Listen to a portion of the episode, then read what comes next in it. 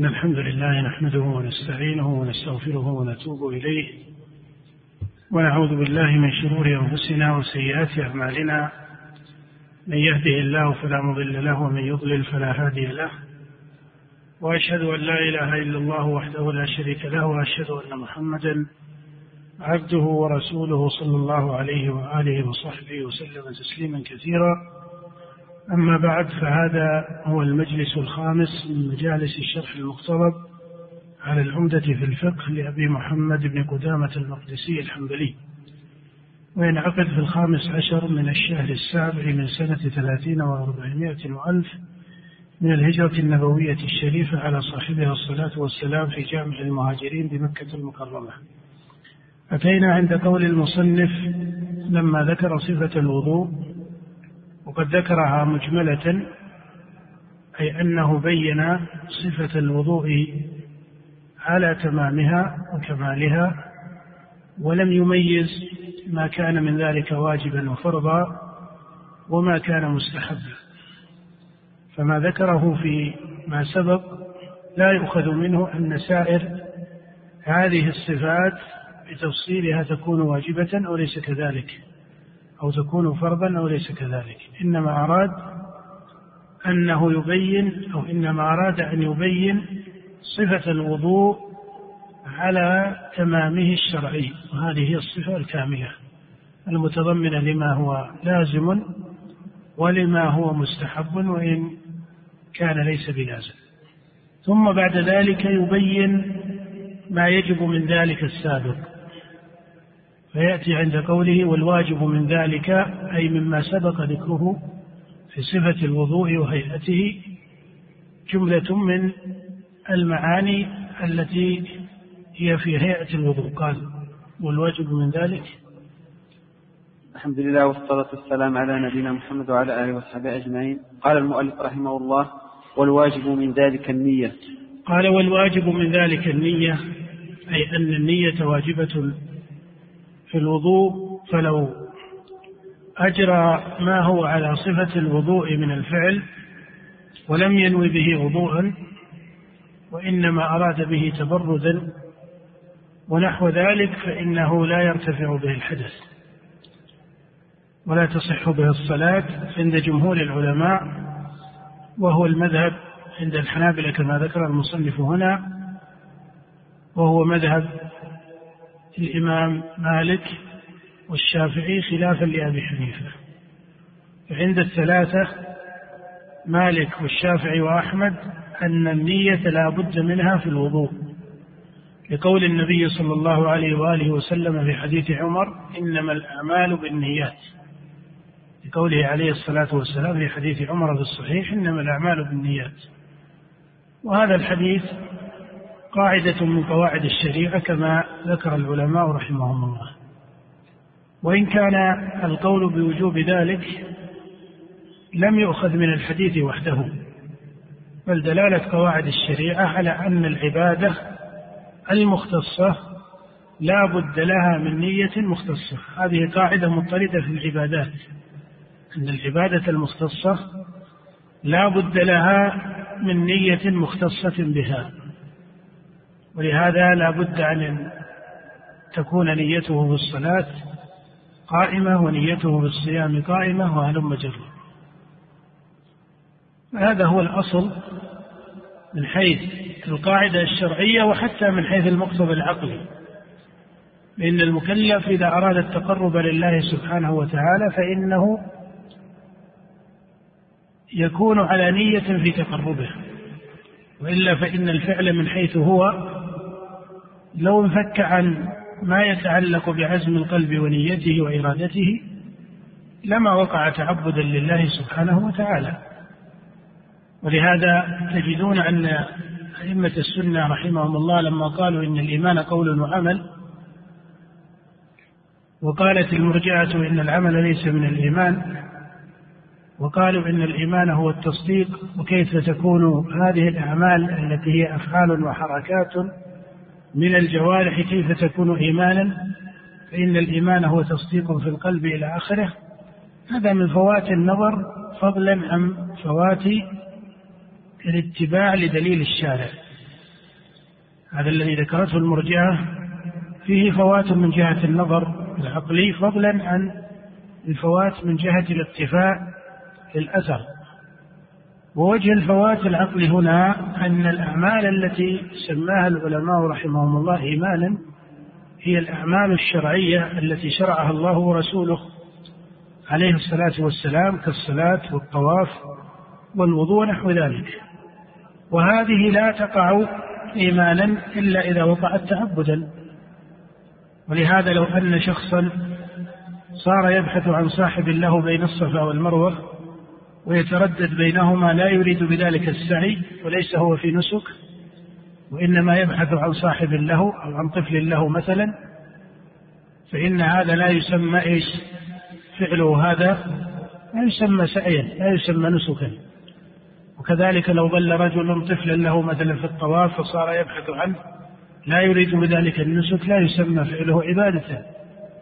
ولو كان عليه طواف واجب أو طواف ركن في حج فإنه لا يقال إنه بترداده سبعا قد سقط عنه الفرض أو الواجب. وكذلك في مثل هذه الماهيات الأخرى. فإذا العمل الذي قالوا إنه إيمان هو مضمن لإيش؟ هو مضمن للتصديق من جهة ومضمن لإرادة القلب من جهة. مضمن لتصديق القلب. ولهذا صلاة المنافق لا تنفعه عند الله. والسبب في ذلك أنه ليس مؤمنا. السبب في ذلك أنه إيش؟ ليس مؤمنا. فصلاته لا تنفعه عند الله. الله يقول وما كان الله ليضيع إيش؟ إيمانكم. أليس المنافق يصلي أحيانا؟ صلاته هذه لا تنفعه.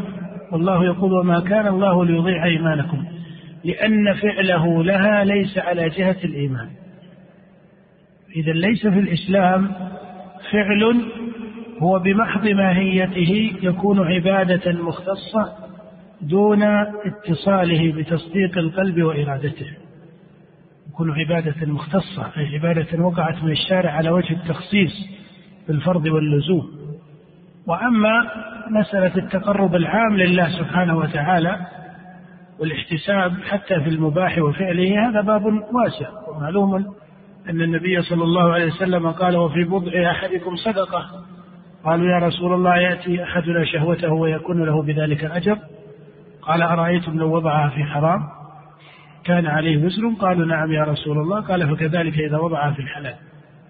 هذا الباب وكذلك في مثل قوله عليه الصلاة والسلام كما في الصحيح حديث سعد ولست تنفق نفقة تبتغي بها وجه الله إلا ازددت بها درجة ورفعة حتى اللقمة تجعلها في في امرأتك. في في امرأتك يعني يطعم أهله مما يكسبه من الرزق الحلال. لكن إذا تكلمنا عن العبادات المختصة كالصلاة والطواف بالبيت وبين الصفا والمروة وما إلى ذلك من العبادات المختصة فما يقال إنها إيمان كما هو الإجماع عند الصحابة هذا وجيه من جهة الأثر المتواتر ووجيه أيضا من جهة إيش؟ وجيه أيضا من جهة النظر لأنها لا تنفك عن تصديق القلب وإرادته وإلا لو انفكت صلاة من مكلف عن تصديق القلب وإرادته لما كانت إيمانا صادقا منه وهذه صلاة المنافق. نعم. إذا قال والواجب من ذلك النية عند جمهور العلماء خلافا لأبي حنيفة رحمه الله فإنه لا يشترط النية في الوضوء. وإن كان الأحناف قد اشترطوا النية في التيمم. وإن كان الأحناف قد اشترطوا النية في بدله في بدل الوضوء وهو التيمم. نعم. قال رحمه الله والغسل مرة مرة ما خلا الكفين. أي ويجب أن يغسل كل عضو مما سبق ذكره مرة مرة. فإنه ذكر الغسل ثلاثا والغسل ثلاثا في غير أو جميع ما ذكر من صفة الغسل ثلاثا هو مستحب. إن الرأس يمسح مسحا ولا يغسل كما هو معروف. الغسل ثلاثا هذا مستحب. إنما الواجب من ذلك هو الغسل مرة مرة أي الغسل مرة واحدة. فإن زاد فغسل العضو كأن يغسل وجهه مرتين أو ثلاثا فهذا استحباب وكمال. والأكمل في صفة الوضوء هو ما سبق أن يغسل العضو ثلاثا. ولكن المجزئ هو أن يغسل واحدة. وقد ثبت عن النبي صلى الله عليه وآله وسلم كما في صحيح البخاري وغيره أنه توضأ مرة مرة وتوضأ مرتين مرتين وتوضأ ثلاثا ثلاثا. فهذه الأفعال جاءت عن النبي صلى الله عليه وسلم في الصحيح وغيره توضأ مرة مرة وتوضأ مرتين مرتين وتوضأ ثلاثا ثلاثا. وظاهر السنة أن غالب فعل النبي صلى الله عليه وسلم على الكمال أنه كان يغسل وجهه ويديه ورجليه ثلاثا. نعم. قال ما خلا الكفين؟ أي ما خلا الكفين في ابتداء الوضوء. ما خلا الكفين ليس في موضعها وإنما ما خلا الكفين في ابتداء الوضوء. فإنه لما ذكر صفة الوضوء قال في ابتدائه بعد التسمية يغسل كفيه ثلاثا غسل الكفين في ابتداء الوضوء قبل غسل الوجه ليس بفرض بل هذا مستحب. وهذه المسألة متفق عليها في الجملة إلا ما استثني في من قام من نوم الليل فإنه لا يغمس يده في الإناء حتى يغسلها ثلاثا وهل هذا على سبيل الوجوب والحديث جاء في الصحيح وغيره؟ هل هذا على سبيل الوجوب أو ليس كذلك؟ هذا محل خلاف. والجمهور من العلماء أن هذا مستحب وليس بواجب. فلو غمس القائم من نوم الليل يده في الإناء قبل أن يغسلها لم يكن تاركا لواجب. وعلى الصحيح أيضا أن الماء يكون طهورا. فلا يسلب الطهورية بغمس القائم من نوم الليل يده فيه. إنما هذا من الشارع على سبيل التنزه والأدب. والمشهور في مذهب الإمام أحمد أن هذا واجب. فيجب على من قام من نوم الليل أن يغسل يديه ثلاثا قبل أن يغمسها في الإناء. قالوا ولو غمس يديه في الإناء قبل أن يغسلها ثلاثا فإن الماء لا يكون طهورا بل يكون عندهم طاهرا. وهذا رأي لطائفة من الفقهاء من الحنابلة وغيرهم. لكن الأظهر هو ما سبق أن الماء طهور في هذه الحال. نعم. قال رحمه الله ومسح الرأس كله. قال ومسح الرأس كله. تعلم أن خطاب القرآن فيه ذكر لمسح الرأس. ولكن اختلف الفقهاء رحمهم الله مع إجماعهم على أن مسح ما هو من الرأس فرض. على أن مسح ما هو من الرأس فرض في الوضوء ولكن أو واجب في الوضوء. ولكن هل هذا على سبيل الوجوب لجميع الرأس أم أن الواجب يسقط بمسح بعض الرأس. هل الوجوب معلق بمسحه كله أو بمسح بعضه الذي عليه الحنابلة والمالكية أن الواجب هو مسح جميع الرأس. في مذهب مالك وأحمد لا بد من مسح الرأس كله. وعند الحنفية والشافعية في مذهب الإمامين أبي حنيفة والشافعي يكفي مسح بعض الرأس.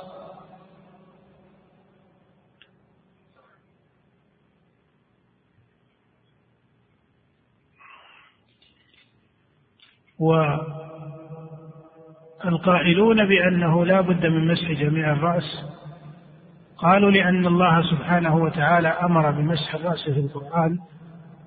وإن كان هذا الحرف في ذكره مجملا إلا أنه ببيان النبي صلى الله عليه وسلم فإنه لما مسح رأسه عليه الصلاة والسلام كما في صفة وضوئه المتواترة التي نقلها جماعة من الصحابة فإنه نقل وضوء النبي صلى الله عليه وسلم بضعة عشر رجلا من الصحابة قالوا فكل من نقل وضوء النبي صلى الله عليه وسلم ما ذكر أنه اكتفى بمسح بعض رأسه.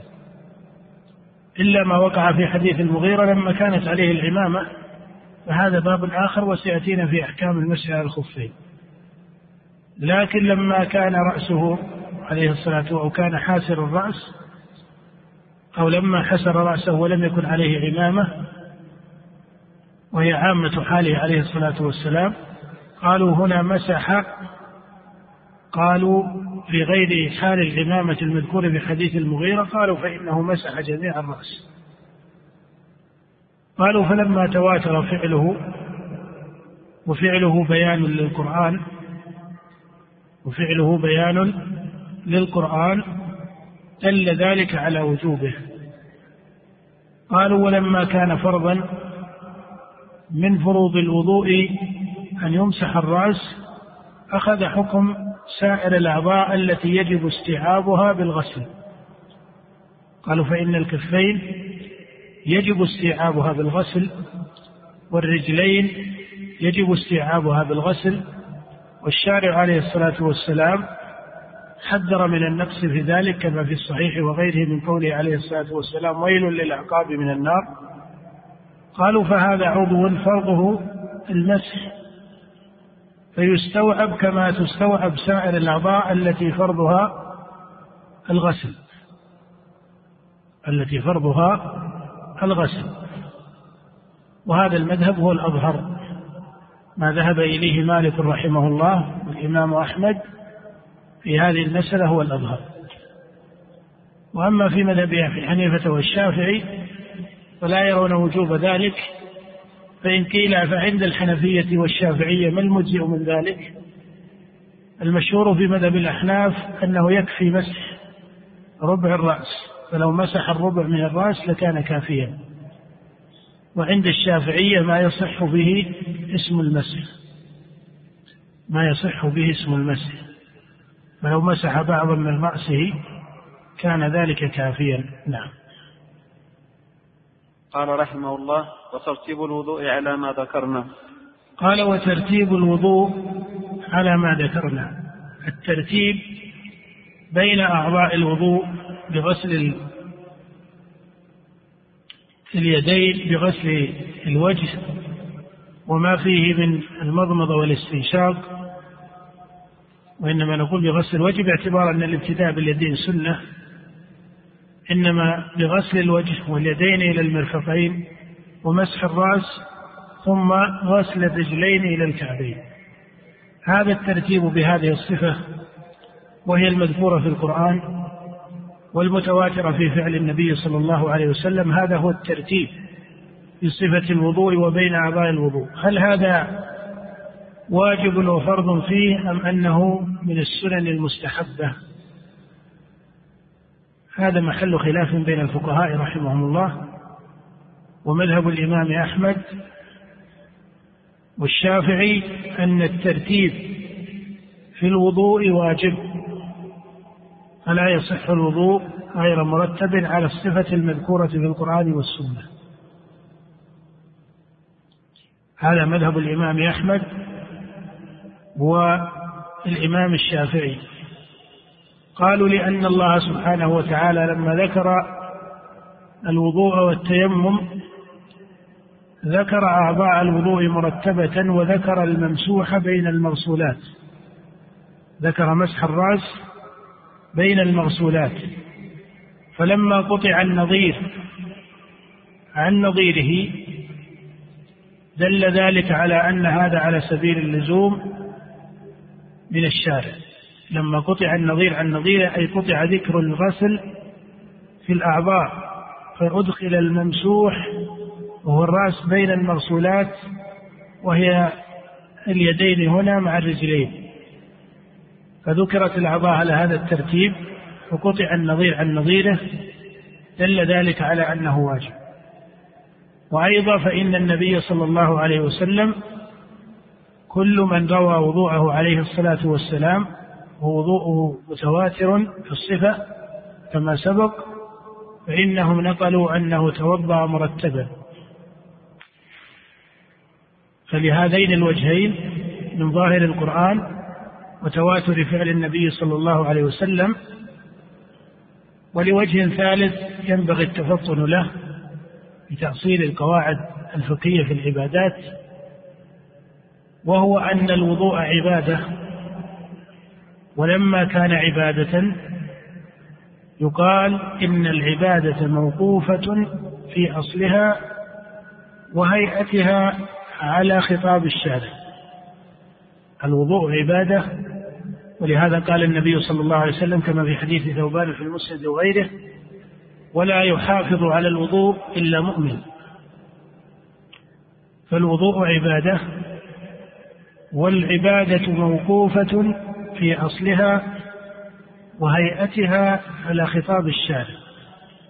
ومعنى هذه القاعدة أنها موقوفة في في أصلها أي لا تشرع عبادة من للمكلف إلا حيث شرعها الشارع.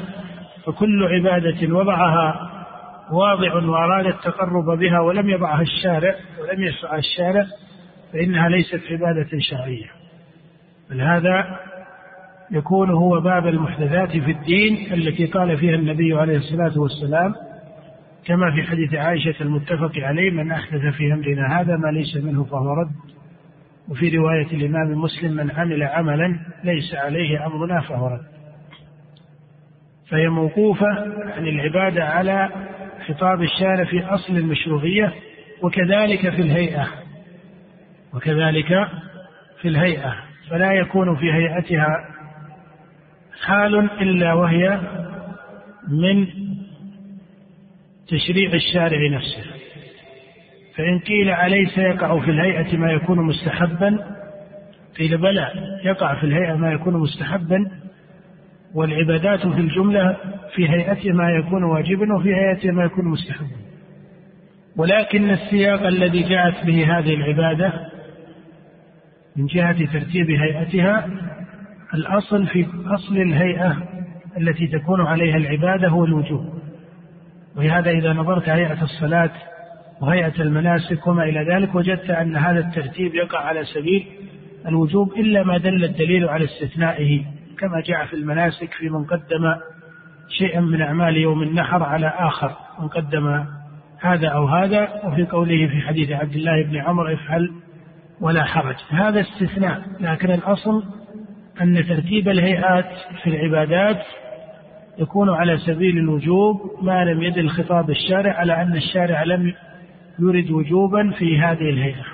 ولهذا لا تجد هيئة بتمامها صارت على الاستحباب لأن هذا هو أصل وضع العبادة. هذا هو أصل وضع العبادة وكيفية العبادة. إذا تأملت العبادات الفعلية وجدت أن هيئاتها أو هيئاتها واقعة على سبيل اللزوم إلا في بعض الأحوال المستثنات كما في بعض أعمال يوم النحر في النسك. نعم. وعلى مذهب الإمام مالك وأبي حنيفة أن الترتيب ليس بواجب. أن الترتيب ليس بواجب. نعم. قال رحمه الله وأن لا يؤخر غسل عضو حتى ينشف الذي قبله. وأن لا يؤخر غسل عضو حتى ينشف ما قبله. هذا يسميه الفقهاء الموالاة يعني هل يلزم الموالاة بين أعضاء الوضوء في غسلها؟ أم أن هذا على سبيل الاستحباب؟ بمعنى لو أنه غسل وجهه ثم انصرف لشيء من حاجته ثم رجع بعد أن نشف هذا العضو وأراد أن يستتم الوضوء فهل استتمامه صحيح أم لا بد أن يستأنف الطهارة؟ ويستأنف الوضوء. هذا هو المقصود بالموالاة عندهم والمذهب عند الحنابلة وهو مذهب المالكية أن الموالاة لا بد منها. أن الموالاة لا بد منها فهذا مما يجب في الوضوء. والدليل على ذلك هو ما تواتر في فعل النبي صلى الله عليه وسلم فإنه توضأ وضوءا على هذه الصفة ليس فيه قطع. ولما ثبت في الصحيح في حديث عمر أن النبي صلى الله عليه وسلم رأى رجلا قد ترك موضع ظفر على قدمه لم يصبه الماء فقال ارجع فأحسن وضوءك. وإن كانت الرواية التي في الصحيح ليس فيها أمر أو ليس فيها تصريح عبارة أدق ليس فيها تصريح بإعادة الوضوء. لكن أمره بإحسان الوضوء وأمره بالرجوع يدل على ذلك. وكذلك قوله صلى الله عليه وسلم كما في حديث خالد بن معدان عن بعض أصحاب النبي أن النبي رأى رجلا قد ترك شيئا على قدمه لم يصبه الماء قال فأمره أن يعيد الوضوء. هذا جاء في مسند الإمام أحمد وغيره وهذا الحديث احتج به الإمام أحمد وهو صريح في أن الموالاة لا بد منها.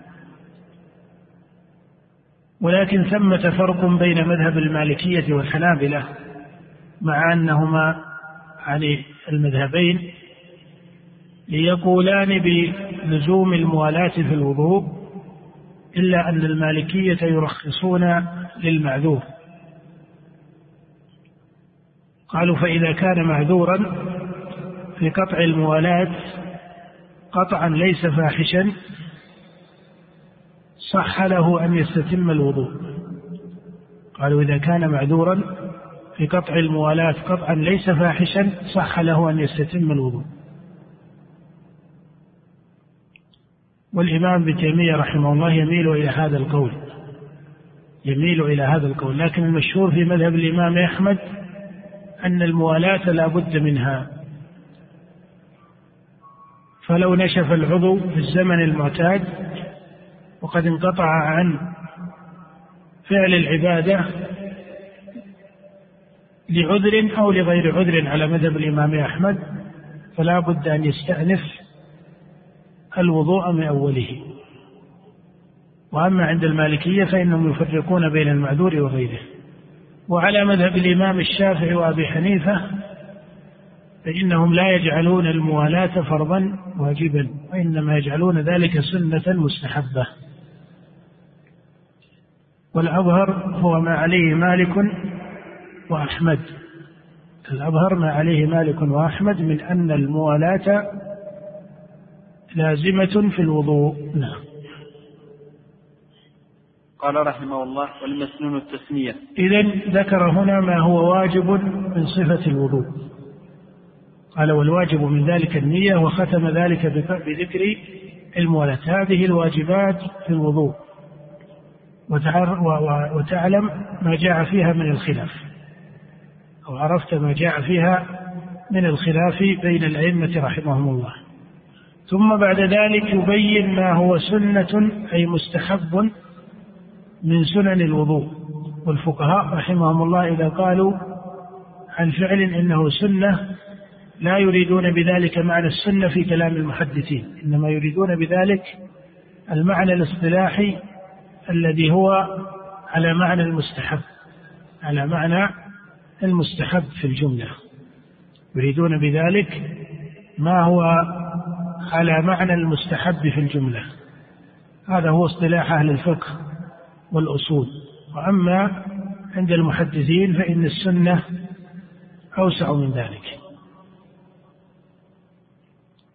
وفي اصطلاح الأئمة في مسائل أصول الدين يريدون بالسنة ما هو فوق ذلك من الأحكام وهي الأصول الواجبة.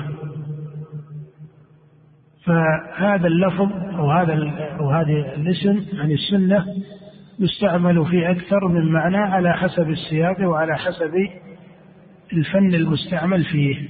نعم. قال رحمه الله والمسنون التسمية. قال والمسنون التسمية. المشهور من مذهب الإمام أحمد أن التسمية واجبة في الوضوء. المشهور من مذهب الحنابلة ليس هو ما ذكر المصنف بل المشهور عندهم أن التسمية واجبة. وما ذكره المصنف هنا هو رواية عن الإمام أحمد اختارها الخراقي وطائفة من الأصحاب. وإذا قلنا إن هذا رواية عن أحمد فليس بالضرورة أنها ليست هي المذهب عند أبي عبد الله رحمه الله يعني عند الإمام أحمد. إنما المقصود أن المشهور في المذهب عند المتأخرين هو أن التسمية واجبة في الصلاة. عفوا أن التسمية واجبة في الوضوء. هذا كاصطلاح في المذهب. وإلا فتحرير المذهب تحرير المذهب ولا سيما مذهب الإمام أحمد لكثرة اختلاف الرواية عنه. هذا شأن آخر.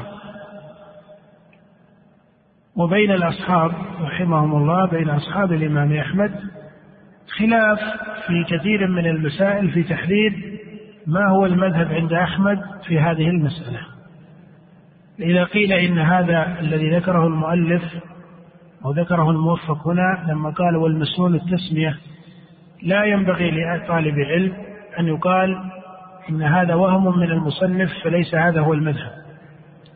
فإن المصنف من الكبار المحققين الذين لهم رأي في تحرير المذهب. صحيح أن تحريره للمذهب إذا ما قارنته بما استقر عند المتأخرين ثمة مسائل ثمة مسائل يختلف فيها التحرير. ثمة مسائل يختلف فيها التحرير. هذا شأن يسير.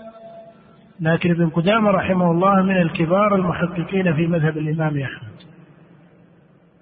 وعلى كل حال هذه رواية عن الإمام أحمد جعلها طائفة من أصحابه والمي المذهب وطائفة لا يجعلونها المذهب ولكنهم ينصرونها.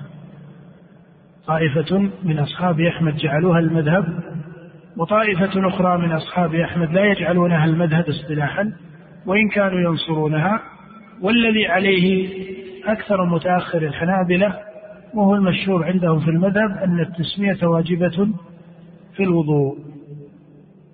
على كل حال الخلاف في مذهب الإمام أحمد في هذه المسألة مشهور. الخلاف في مذهب الإمام أحمد في هذه المسألة مشهور وبعض المتقدمين من الأصحاب يقولون إن الإمام أحمد رجع عن سائر الروايات التي أوجب فيها التسمية في الوضوء. وكأن هذا هو الأليق بمذهب الإمام أحمد رحمه الله. والذي عليه جمهور أهل العلم من الفقهاء والمحدثين أن التسمية مستحبة في الوضوء وليست واجبة وهي مذهب الأئمة وهذا مذهب الأئمة الثلاثة هو مذهب مالك والشافعي وأبي حنيفة ورواية عن الإمام أحمد نصرها طائفة من أصحابه كالخرق والموفق وعدها طائفة من الأصحاب هي المذهب. بل ذكر بعض متقدم الأصحاب المحققين أن أحمد رحمه الله رجع عن الروايات التي فيها القول بالوجوب. ووجه ذلك أنه لم يحفظ عن النبي صلى الله عليه وسلم حديث صحيح في وجوب التسمية في الوضوء. وممن نص على ذلك الإمام أحمد وابن أبي حاتم وكثير من المتأخرين من المحققين كأبي عمر بن عبد البر وغيره. لم يحفظ عن النبي صلى الله عليه وسلم في التسمية حديث. فالأحاديث التي جاءت فيها وجوب التسمية لم يحفظ منها شيء فهي معلولة. وإنما يقال أن التسمية في الوضوء مستحبة عند جمهور العلماء وهذا هو الأظهر. نعم. قال رحمه الله وغسل الكفين.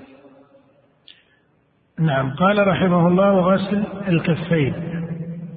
غسل الكفين في ابتداء الوضوء من السنن وهذا مجمع عليه كما حكاه ابن المنذر وغيره من أهل العلم.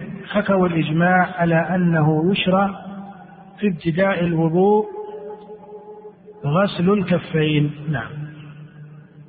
والمبالغة في المضمضة والاستنشاق إلا أن يكون صائما. والمبالغة في المضمضة والاستنشاق إلا أن يكون صائما.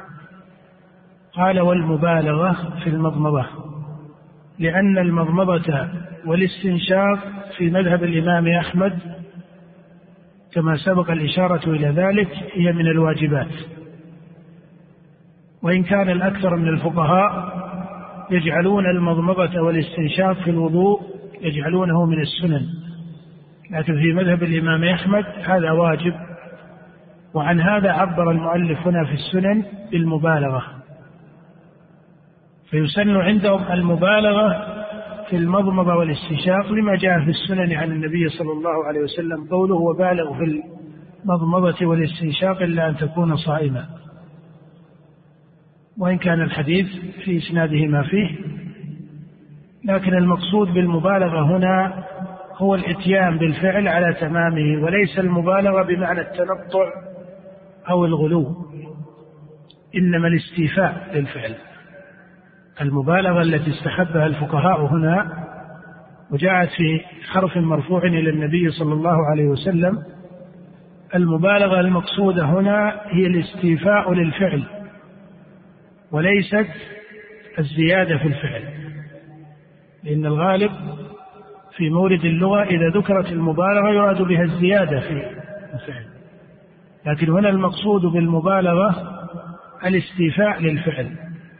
تمييزا لفاعلها في حاله المعتادة عن حال الصائم.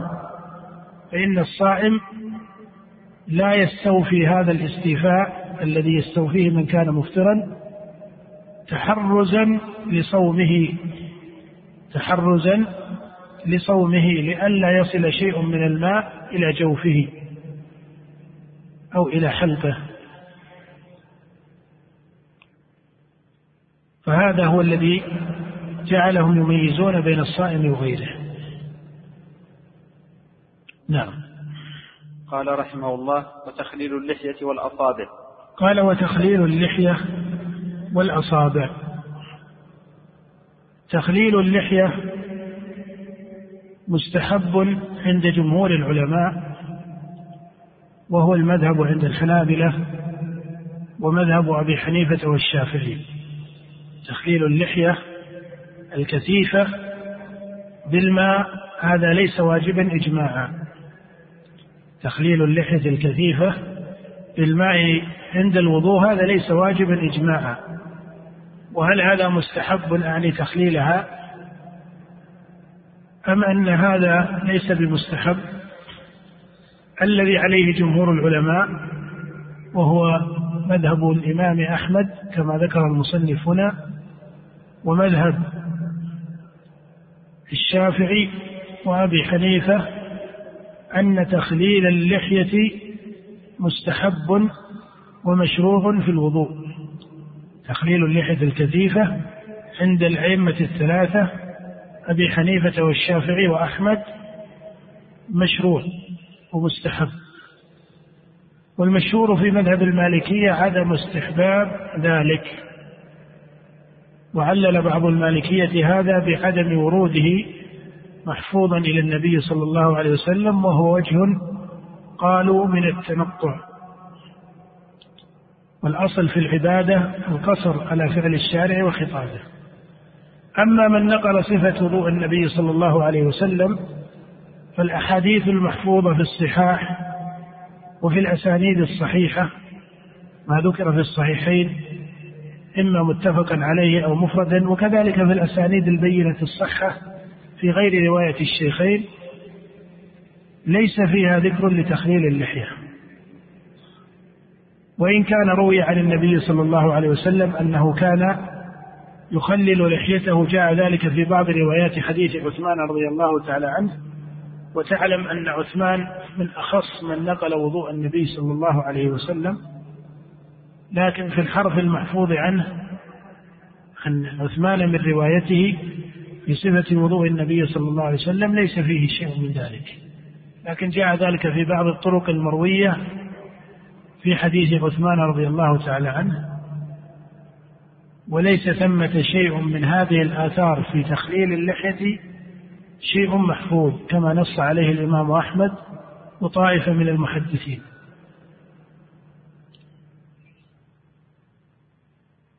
وبعض أهل العلم كابن القيم رحمه الله يقول إن النبي صلى الله عليه وسلم فعله ولم يواظب عليه.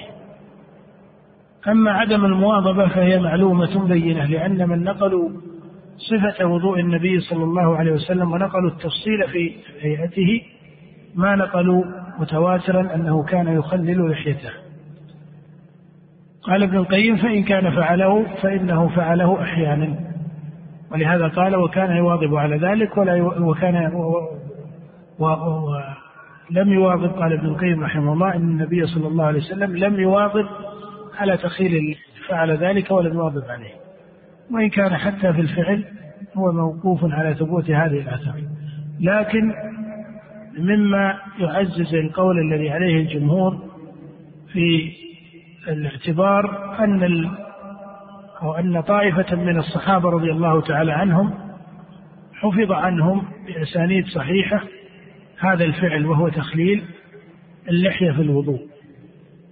فلما كان محفوظا عن طائفة من الصحابة رضي الله عنهم قيل هذا الأمر فيه سعة لكن على كل حال هو ليس من السنن البينة لأن الآثار فيه معلولة في الجملة كما ذكر الإمام أحمد وبعض المتقدمين من المحدثين وعن هذا لم يستحب الإمام مالك رحمه الله التخليل للحية لعدم ثبوته محفوظا إلى النبي صلى الله عليه وسلم. نعم. قال رحمه الله ومسح الأذنين. قال وتخليل اللحية والأصابع. وتخليل اللحية والأصابع. ومسح نعم. الأذنين. قال والأصابع. أي أن تخليل الأصابع مستحب وليس واجبا. أن تخليل الأصابع مستحب وليس واجبا وهذا مذهب جمهور العلماء من الحنابلة والحنفية والشافعية. أما المالكية مع إسقاطهم لتخليل اللحية إلا أنهم في تخليل الأصابع يشددون. إلا أنه في تخليل الأصابع يشددون. وفي بعض كلام أئمة المالكية ويذكرونه مذهبا لهم أن تخليل الأصابع في اليدين واجب. أن تخليل الأصابع في اليدين واجب ويجعلونه مستحبا في الرجلين. وإن كان في مذهب المالكية خلاف في هذه المسألة لكن الذي عليه الجمهور هو المتوجه أن هذا ليس على سبيل الوجوب قطعا إنما هو فعل مستحب ولكن مع هذا نقول ينبغي أن يكون التخليل الذي ذكر استحبابا في كلام الفقهاء أو في كلام جماهير الفقهاء يكون على قدر من استيفاء الفعل وليس على سبيل التنقل. فلا ينبغي أن يكون وجها متكلفا في الفعل ومبالغة في الفعل إنما يكون وجها من الاستيفاء. إنما يكون وجها من الاستيفاء في الغسل لليدين والقدمين. نعم. قال رحمه الله ومسح الأذنين. قال رحمه الله ومسح الأذنين. هذا القول رواية عن الإمام أحمد. أن مسح الأذنين سنة وليس واجبا في الوضوء. والمشهور في مذهب الحنابلة رحمهم الله أن مسح الأذنين في الوضوء واجب. المشهور في المذهب عند الحنابلة أن مسح الأذنين في الوضوء واجب. قالوا لأنها من الرأس باعتبار جملة الخطاب باعتبار جملة خطاب الشارع وهي متصلة به فأخذت حكمه ومسح الرأس فرض واجب. فأخذت حكمه. قالوا ولأن من نقل وضوء النبي صلى الله عليه وسلم ما ترك ما نقل عن النبي أنه ترك ذلك إلى غير ذلك وجاء في بعض الأحاديث الأذنان من الرأس وإن كان الحديث في ذلك ليس وجيها من جهة الإسناد. لجملة هذه الاستدلالات المشهور من مذهب الإمام أحمد أن مسح الأذنين واجب في الوضوء. وما ذكره الموفق هنا لما قال ومسح الأذنين في المسنون هذا رواية عن الإمام أحمد. وليس وليست هذه الرواية هي المشهورة في المذهب. وعلى هذه الرواية أو نقول بعبارة أدق وهذه الرواية موافقة لقول الأئمة الثلاثة. موافقة لقول الأئمة الثلاثة لقول أبي حنيفة ومالك والشافعي. الذين لا يرون وجوب مسح الأذنين بل يجعلون ذلك مستحبا. وفي الجملة الخلاف في هذه المسألة قوي وليست هي من موارد الإنكار. نعم. قال رحمه الله وغسل الميامن قبل المياسر. قال وغسل الميامن قبل المياسر. في العضو المتعدد السنة أن يبدأ باليمين قبل اليسار أو يبدأ باليمنى قبل اليسرى. لما ثبت في الصحيح أن النبي صلى الله عليه وسلم كما قالت عائشة كان يعجبه التيمم في تنعله وفي ترجله وفي طهوره وفي شأنه كله. فهذا الذي ذكرته عائشة هو قاعدة عامة في الهدي العام للنبي صلى الله عليه وسلم وهو أنه يعجبه التيمم. ولا سيما في موارد العبادات. ولا سيما في موارد العبادات. وعن هذا استحب الفقهاء رحمهم الله إذا أراد دخول المسجد أن يقدم رجله اليمنى. وإذا خرج من المسجد أن يقدم رجله اليسرى على على عكس حاله عند دخول الخلاء. على عكس حال المكلف عند دخول الخلاء. المقصود أن البدء باليمنى قبل اليسرى هذا مستحب لكنه لو فعل خلاف ذلك لم يكن وضوءه باطلا بل يكون وضوءه صحيحا ولكنه ترك مستحبا. نعم. قال رحمه الله والغسل ثلاثا ثلاثا. والغسل ثلاثا ثلاثا أي وغسل العضو ثلاثا ثلاثا. فيغسل الوجه ثلاثا ويغسل اليدين إلى المرفقين ثلاثا ويغسل الرجلين إلى الكعبين ثلاثا ويتوضأ عفوا ويتمضمض ويستنشق ثلاثا.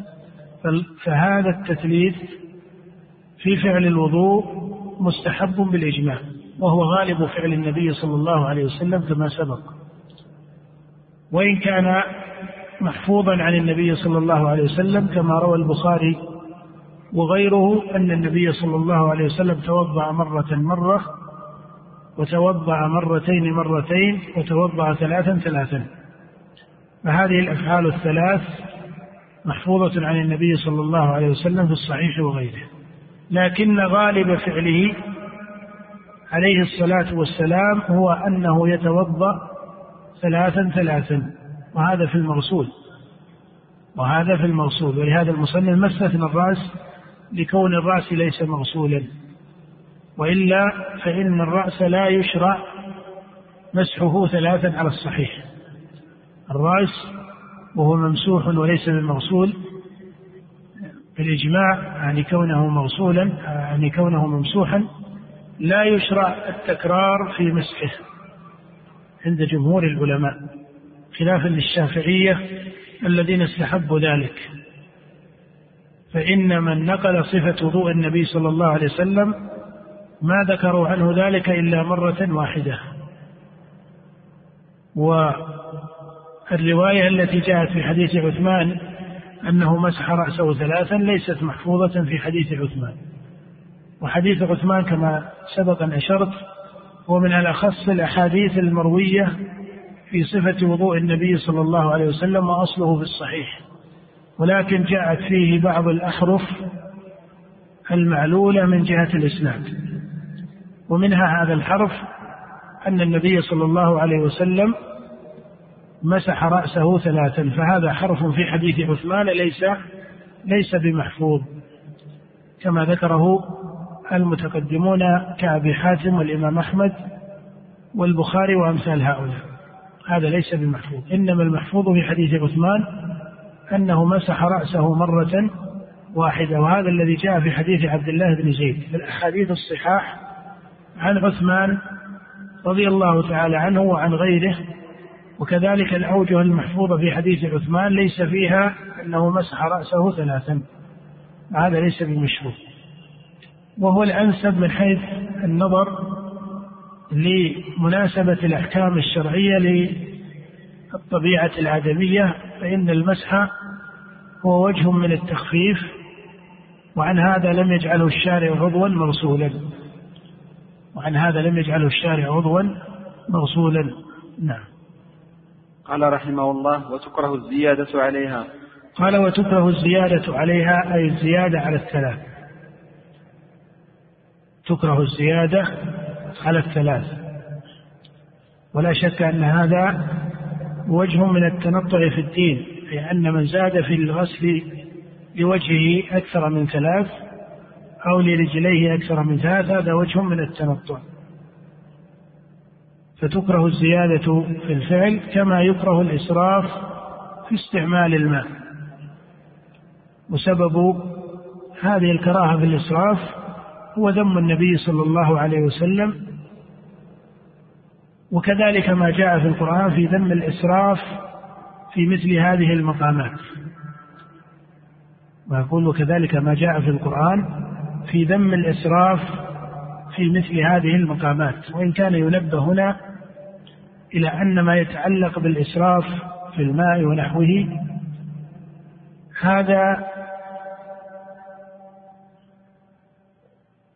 جملته في الشريعة من باب الأدب. وذم الإسراف في القرآن وقع على وجهين وقع على معنى الإسراف بمعنى الزيادة في الكفر والمعاندة لأحكام الله سبحانه وتعالى. ووقع ذم الإسراف فيما هو من باب الأدب. فليس كل سياق في كتاب الله فيه ذم للإسراف فيكون المقصود به الإسراف فيما هو من موارد الأدب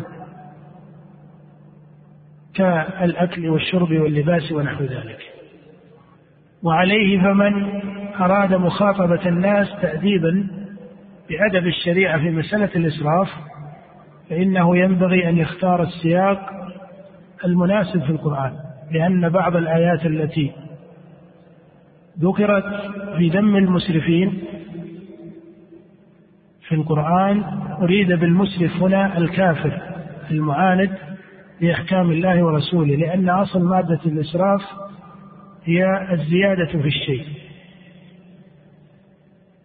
فأحيانا بعض الواعظين أو الخطباء ربما استعملوا كل سياق إذا أرادوا الكلام عن أدب الأكل أو أدب الشرب وعدم الإسراف في ذلك جاءوا بسياق في آيات ذم المشركين الذين أسرفوا في كفرهم.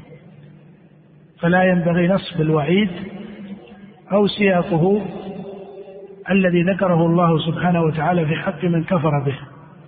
وإن كان اللفظ هنا جاء مشتركا فيستعمل في هذا ويستعمل في هذا.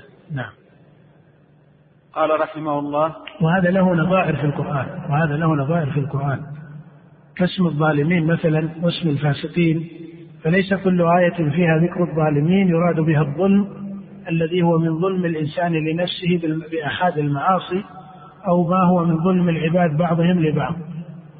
بل يأتي الظلم على هذا الوجه ويأتي الظلم في القرآن وهو الظلم المطلق بمعنى الكفر بالله سبحانه وتعالى. ومنه قول الله جل وعلا إن الشرك لظلم عظيم. نعم. قال رحمه الله ويسن السواك عند تغيير الفم. قال رحمه الله ويسن السواك عند تغير الفم. السواك من سنن المرسلين بالإجماع أنه مستحب. ومن سنن الفطرة السواك من سنن المرسلين عليهم الصلاة والسلام ومن سنن الفطرة. وهو يقع بالعود المعتاد من الأراكي بالعود المعتاد التسوق به من الأراكي ونحوه. بالعود المعتاد التسوق به من الأراكي ونحوه. وأما استعمال الإصبع وما شابه ذلك مما ليس هو كالأراك فهل هذا يعد سواكا أو ليس سواكا؟ هذا محل خلاف بين الفقهاء. قال ويسن السواك عند تغير الفم وهذا باتفاق الأئمة الأربعة وقول عامة أهل العلم لما جاء في حديث حذيفة في الصحيح أن النبي صلى الله عليه وسلم كان إذا قام من النوم يشوص فاه بالسواك. كان إذا قام من نومه عليه الصلاة والسلام يشوص فاه بالسواك. نعم. قال رحمه الله والقيام من النوم وعند الصلاة. عند تغير الفم لأن القيام من النوم مظنة لذلك وكذلك عند القيام من النوم لحديث حذيفة. لكن أخذوا من حديث حذيفة أن النبي إنما استاك لما قام من نومه لأن الفم مظنة التغير. فعند تغير الفم يكون مشروعا ولا سيما أن السواك في أصله مظهرة للفم كما في حديث عائشة. كما في حديث عائشة الصحيح قد رواه الإمام أحمد وغيره السواك مطهرة للفم مرضاة للرب. فلما كان مطهرة فعند تغير الفم أو القيام من النوم من النوم وهو مظنة لذلك يشرع ذلك. لعموم حديث عائشة ولفعل النبي عليه الصلاة والسلام في في تسوقه عليه الصلاة والسلام أو في استياكه عليه الصلاة والسلام عند قيامه من النوم. نعم. وعند الصلاة. قال وعند الصلاة أي عند قيامه للصلاة فإنه يشرع له السواك. لما جاء في الصحيحين عن أبي هريرة رضي الله تعالى عنه أن النبي صلى الله عليه وآله وسلم قال لولا أن أشق على أمتي لأمرتهم بالسواك عند كل صلاة. ومن هنا أخذ العلماء رحمهم الله أن السواك مستحب مؤكد عند الصلاة وليس هو بحاجة إلى كثير من التعليل. بعد ذلك لما جاء محفوظا في قول النبي وجاء في فعله عليه الصلاة والسلام. وهذا الحديث في الصحيحين بهذا اللفظ لولا أن يشق على أمتي لأمرتهم بالسواك عند كل صلاة. نعم. لقول رسول الله وإن كان البخاري رحمه الله ذكره معلقا عند كل وضوء. هذا ليس في صحيح البخاري موصولا إنما هو في البخاري معلقا. لولا أن أشق على أمتي لأمرتم بالسواك عند كل وضوء هذا معلق في البخاري. وأما الموصول في الرواية فهو قوله لولا أن أشق على أمتي لأمرتهم بالسواك عند كل صلاة. وهو كذلك يشرع عند الوضوء. لكنه في الصلاة آكد. يشرع عند الوضوء لكنه في الصلاة آكد. نعم. قال رحمه الله لقول رسول الله صلى الله عليه وسلم لولا أن أشق على أمتي لأمرتهم بالسواك عند كل صلاة. نعم. فهو مشروع في الصلاة ومشروع في الوضوء. ومشروعية السواك عند الصلاة هو قول الجمهور من الفقهاء خلافا للحنفية رحمهم الله فإن الأحناف المشهور من مذهبهم هو استحباب السواك عند الوضوء. هو استحباب السواك عند الوضوء والتفتوا إلى وجه من القياس والنظر. قالوا لأن حال الوضوء هي حال الطهارة والسواك مطهرة ويراد به النظافة وما إلى ذلك بخلاف حال الصلاة. ولكن لما جاء الحديث المتفق عليه وهو ما سبق ذكره علم أن هذا التوجيه ليس بوجيه لمخالفته المحفوظ في الصحيحين عن النبي صلى الله عليه وسلم وإن كان ما ذكره الحنفية من استحباب السواك عند الوضوء هذا دليله قائم من جهة الأثر ومن جهة النظر أيضا. ولهذا قلنا إن السواك مشروع عند الصلاة وعند الوضوء لكنه عند الصلاة آكد لأن الحديث فيه متفق على صحته. بخلاف الحديث في الوضوء ومن أهل العلم من تكلم فيه وإن كان البخاري ذكره معلقا في صحيحه. نعم. قال رحمه الله ويستحب في سائر الأوقات إلا للصائم بعد الزوال. قال ويستحب في سائر الأوقات.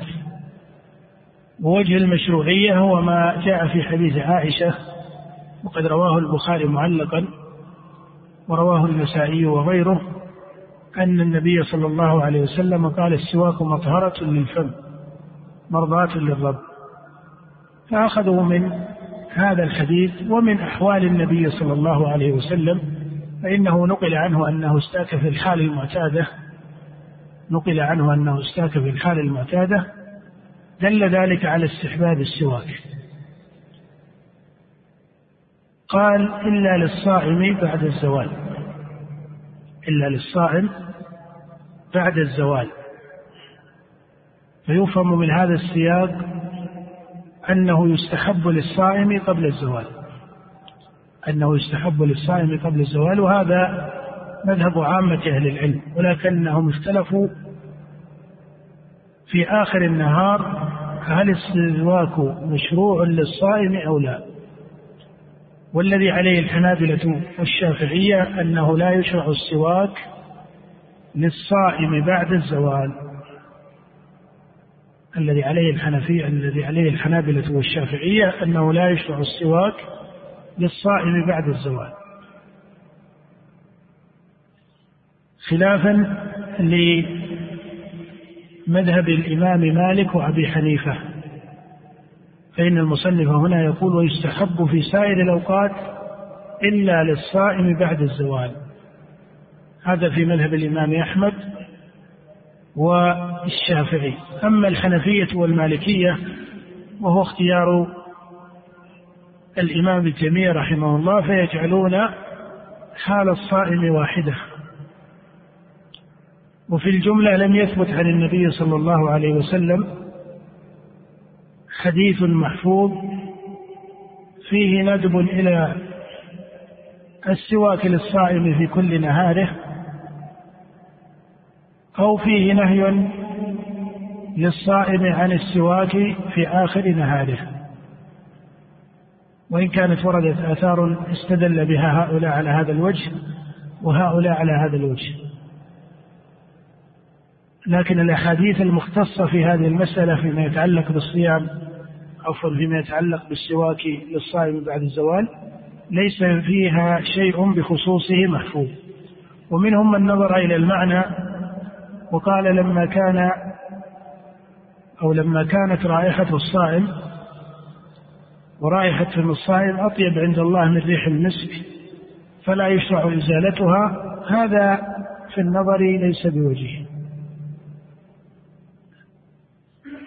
ومن يسقط هذا النظر بعضهم يقول إن السواك لا يزيل هذه الرائحة بكونها تنبعث من المعدة السواك لا يزيلها وهذا تعليل في الجملة قد يقال بمناسبته لكن أصح من ذلك أن يقال إن الأحكام المعلقة بحق الله سبحانه وتعالى وقضائه وحكمه لا ينبغي الالتفات فيها إلى مثل هذا المعنى. فإن النبي صلى الله عليه وسلم قال ولخلوف فم الصائم أطيب عند الله.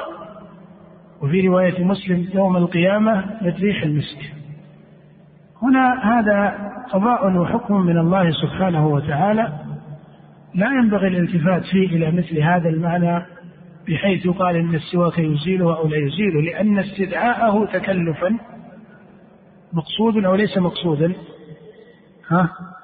لا ليس مقصودا في الشريعة ليس مقصودا من الصائم أن يستدعي هذه الرائحة تكلفا ليزيد من أثرها. إنما هذا من إكرام الله سبحانه وتعالى للصائمين. لكن أن يقال إن السواك ينقصها والقصد إبقاؤها وزيادتها هذا لا يلتفت إليه. هذا لا أثر له في النظر. فالنظر بإسقاط استحباب السواك للصائم من هذا الوجه ليس بوجه.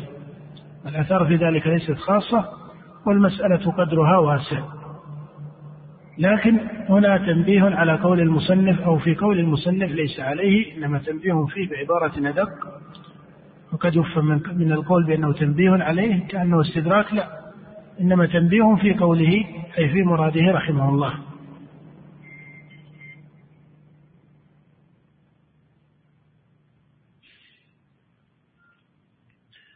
نعم. تنبيه في مراد المصنف لما قال ويستحب في سائر الأوقات. السواك كما قلنا مستحب. ويستحب في سائر الأوقات. ولكنه من سنن المرسلين ومن سنن إيش؟ الفطرة. فإذا علمت هذه المقدمة أن السواك من سنن المرسلين وأن السواك من سنن الفطرة فلا ينبغي إيقاعه بصفة أو حال أو وقت لا يناسبه. أقول هذا لأن بعض الناس من العوام وأحيانا من المبتدئين في طلب العلم ربما يبالغون في فعل السواك إما في صفته أو في استدعائه في موارد وأوقات ليست مناسبة لموجب من الموجبات. فهنا كل ما كان من سنن المرسلين ومن سنن الفطرة فإنه يوقع على الاعتدال. يوقع على الاعتدال. فالمبالغة في السواك بحضرة الناس وفي مجالسهم المختصة إلى قدر قد يثير شيئا من الاستكراه لبعض الحاضرين. هذا لم يكن من فعل النبي صلى الله عليه وسلم ولا من هدي أصحابه رضي الله تعالى عنهم. أو المبالغة في استعماله بوجه الرجل والرجل يكلمه فلربما قدر أن هذا كأنه عدم التفات إلى إيش؟ عدم سماع لقوله. فيكون حركة من الانصراف عن السماع بالاشتغال بالسواك وتفاصيل هيئته أو المبالغة في هيئته. على كل حال قوله رحمه الله ويستحب في سائر الأوقات أراد الفقهاء رحمهم الله أنه ليس وقت من الأوقات كره الشارع فيه السواك. ولهذا استثنوا على رأي الحنابلة والشافعية استثنوا ما بعد الزوال للصائم لكن ما أراد رحمه الله أعني الموفق في كلامه ولا غيره من الفقهاء ما أرادوا أنه يؤتى به على غير الاعتدال. فإنه من سنن المرسلين ومن خصال الفطرة ومرضاة للرب سبحانه وتعالى فإما كان بهذه الصفة من الكرامة فينبغي إيقاعه على وجه التكريمة له والتكريمة به. التكريمة له حتى لا يستهزئ مستهزئ. بفاعل له فيكون هذا الآثم باستهزائه. قد جره إلى الاستهزاء سبب وإن كان هذا ليس من باب العذر له لكن ربما جره إلى ذلك سبب من الفاعل نفسه. فهذا مما ينبغي أن يتقيه المسلم في فعله له ولا سيما بحضرة غير المسلمين. لا يوقع أحيانا دائما أداء الشريعة توقع على اعتدالها.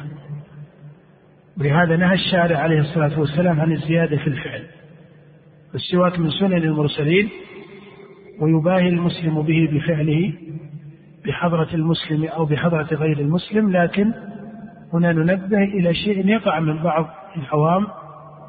أحيانا هو أنهم ربما بالغوا في صلة السواك إلى درجة من الاستكراه أو الاستغراب عند من بحضرتهم. كان بالود أن ندخل في باب المسح على الخفين لكن أرى أن الوقت لا يسع لذلك. على كل حال نقف على باب المسح الخفين وأعتذر للإخوان عن يوم السبت القادم. يوم السبت نعتذر عن هذا الدرس وسيكون الدرس إن شاء الله يوم الأحد. أنا غدا لست لأني مسافر وما أرجع إلا يوم الأحد إن شاء الله أو ليلة الأحد إن شاء الله. على كل حال يوم الأحد نستأنف الدرس السادس في هذا الكتاب. السبت فقط هو الذي لا أكون موجودا. هذا سائل يقول قولكم في باب المسائل الأظهر بدلا من الراجح هل هناك فرق؟ أخف كلمة الأظهر يراد بها أنها أخف من كلمة الراجح. إذا كان القول بين من جهة الأدلة عبر بالراجح إذا كان دون ذلك قيل الأظهر. وهي كلمة أخف الترجيح. هذا سائل يقول لا يجوز مس الذكر باليمين في قضاء الحاجة. لا هو ليس لا يجوز مس الذكر باليمين.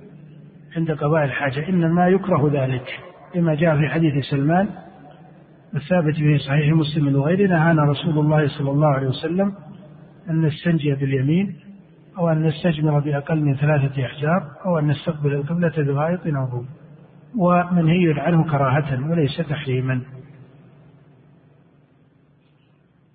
يقول ما هي الشروح التي يوصى بها في الفقه خاصة بالزاد والعمدة؟ الزاد هنا التعليق على استكمال مسائل الزاد في كتاب الروض المربع. ومن أجود ما وضع عليه من الحواشي والتعليقات حاشية العلامة بن جاسم رحمه الله. أما العمدة فهناك شرح مختصر لها للمقدسي وهناك شرح لم يطبع مكتملا للإمام ابن تيمية رحمه الله. وهناك تعليق أو شروح لبعض طلاب العلم وبعض المشايخ لعله معروف. يقول ما حكم مسح الأذنين؟ مسح الأذنين سبق أنه من المشروع في الوضوء لكن هو واجب. هذا مذهب الحنابلة والذي عليه الجمهور أنه مستحب وليس بواجب. ما الفرق بين المذي والمني؟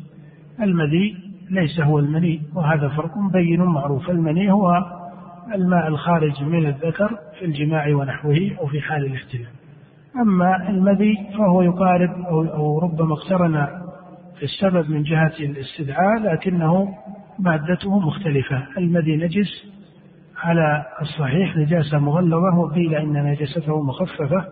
في إحدى الروايات عن الإمام أحمد لكن الجمهور وهو الصحيح من المذهب أن نجاسته مغلظة.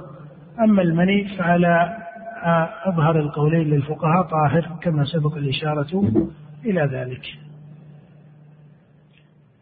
يقول آه، الإشارة إلى كتاب للمبتدئين في الفقه. كما أسلفت أن من أفضل المختصرات في الفقه هذه الرسالة لأبي محمد بن قدامة رحمه الله ومن الشروح المختصرة ليس مختصرا لكنه من الشروح الميسرة الحاشية التي جمعها العلامة بن جاسم رحمه الله على الروض المربع. يقول هل تجد الوضوء عند كل فرض مستحب؟ وإذا كان كذلك نعم إذا كان في خا... إذا... إذا كان بين الوقتين بمعنى الوضوء لوقت الظهر الوضوء لوقت العصر. وأما أنه في الوقت الواحد يجدد وضوءه هذا ليس مشروعا. بمعنى إذا دخل وقت صلاة الظهر فتوضأ ثم أراد إيقاع الصلاة بعد ساعة مثلا من دخول الوقت وليس ثمة حدث يدافعه فلا يشرع هنا له هنا أن يجدد الوضوء لمحض التجديد. لا يشرع له هنا في الوقت الواحد. أما إن توضأ للظهر ثم أدركته صلاة العصر فدخل وقتها وهو على وضوءه الأول فهذا الذي يشرع فيه التجديد في كل وقت مختص. يقول الوضوء ثلاثا فما زاد فقد أساء وظلم إلى آخره. هذا الحديث ليس فيه هذا الحديث في ثبوته ما فيه. هذا الحديث في ثبوته ما فيه. السادة ما صحة هذا الحديث؟ هذا الحديث ليس بمحفوظ. إنما المحفوظ في ذلك أن النبي لم يزد على الثلاث وقد قال من عمل عملا ليس عليه أمرنا فهو رد. يقول هل يجوز التفريق في غسل الأعضاء في عدد غسل الأعضاء؟ نعم. هذا جائز وإن كان لم يؤثر عن النبي صلى الله عليه وسلم نكتفي بهذا القدر من الأسئلة محافظة على تسلسل الدروس. وبالله التوفيق وصلى الله وسلم على عبده ورسوله نبينا وإمامنا محمد. ونستأنف إن شاء الله يوم الأحد القادم بإذن الله والصلاة والسلام على رسول الله. إيه نعم